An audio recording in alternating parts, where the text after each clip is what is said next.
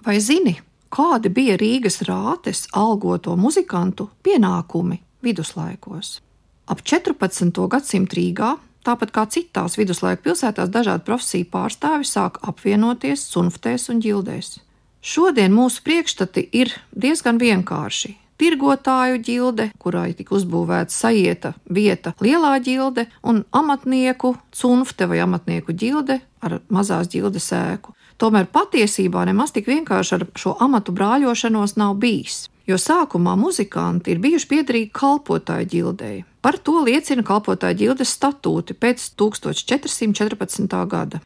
Dažus gadu desmitus vēlāk šajā statūtos veikts izmaiņas. Tie punkti, kas attiecās uz muzikantiem, ir svītroti, un tā tad var secināt, ka ap to laiku Rīgā ir nodibinājusies īpaša muzikantu brālība. Tās mērķis bija aizsargāt savējos Rīgas spēlmaņus no klejotājiem un iebraucējiem, nosakot, ka katram svešam stabulniekam vai spēlmanim jānomaksā nodeva brālībai par spēli kāzās vai citos godos vienas mārciņas vaska apmērā. Tāpat šajos statūtos bija noteikta kopējā muzikantu ģildes kase, no kuras varēja saņemt aizdevumu slimības gadījumā viena vērdiņa apmērā. Nu, tā jau ir vienkārša sociāla savu amatbrāļu aizsardzība. Bet vēl agrāk, jau sākot ar 1355. gadu Rīgas rādas grāmatās, ir atrodama ieraksts par samaksu mūziķiem spēlmeņiem. Pavisam konkrēts dokuments ir vissenākais Rīgā atrodamais līgums starp Rīgas rāti un muzikantu, un šis līgums attiecās uz 1575. gadu.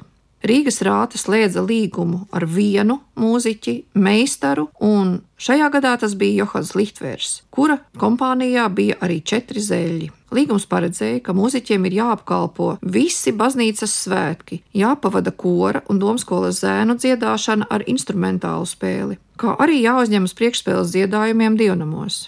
Katru dienu desmitos no rīta pašam meistaram Johanam Lichtvēram bija jāspēlē no rācnama balkona.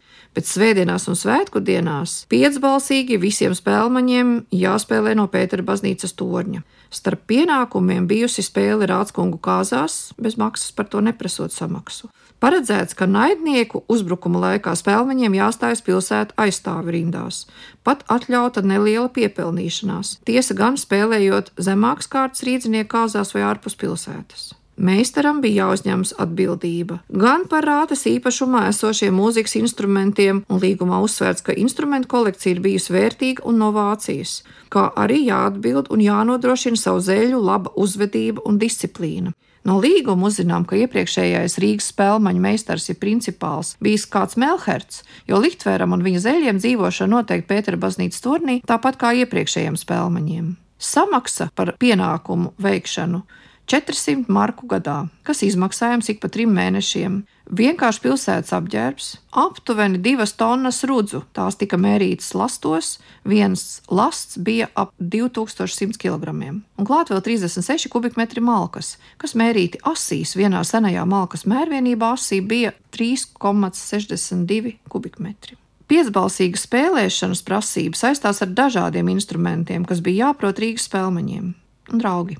1636. gadā pārņemot darbu Rīgas spēļmaņa amatā no sava priekšteča, kāds cits Rīgas mūziķu principāls, jeb meistars Martins Klemens, iesniedz Rīgas rātei instrumentu sarakstu. Viena kvartas bazūne, trīs mazās bazūnes, trīs asie cinki, četri mutes cinki, trīs šalmejas, teikšu, ka tās ir oboju priekšteces, viena diskanta viola, divas tenora violas, viena basa viola, tie visi stīgi instrumenti, četras trompetes, viena lielā trompete un trīs līkie ragi. Tā pašā Martina Klemensa sarakstā ir uzskaitīts arī notis, starp kurām vairāki Samuela Šeida skaņdarbi, Pretoriusa piecbalsīgas dejas un Monteverdi Velsas madrigāli, kas liecina to, ka Rīgā bijuši labi pazīstami un atskaņot Eiropas izcilāko komponistu skaņdarbi.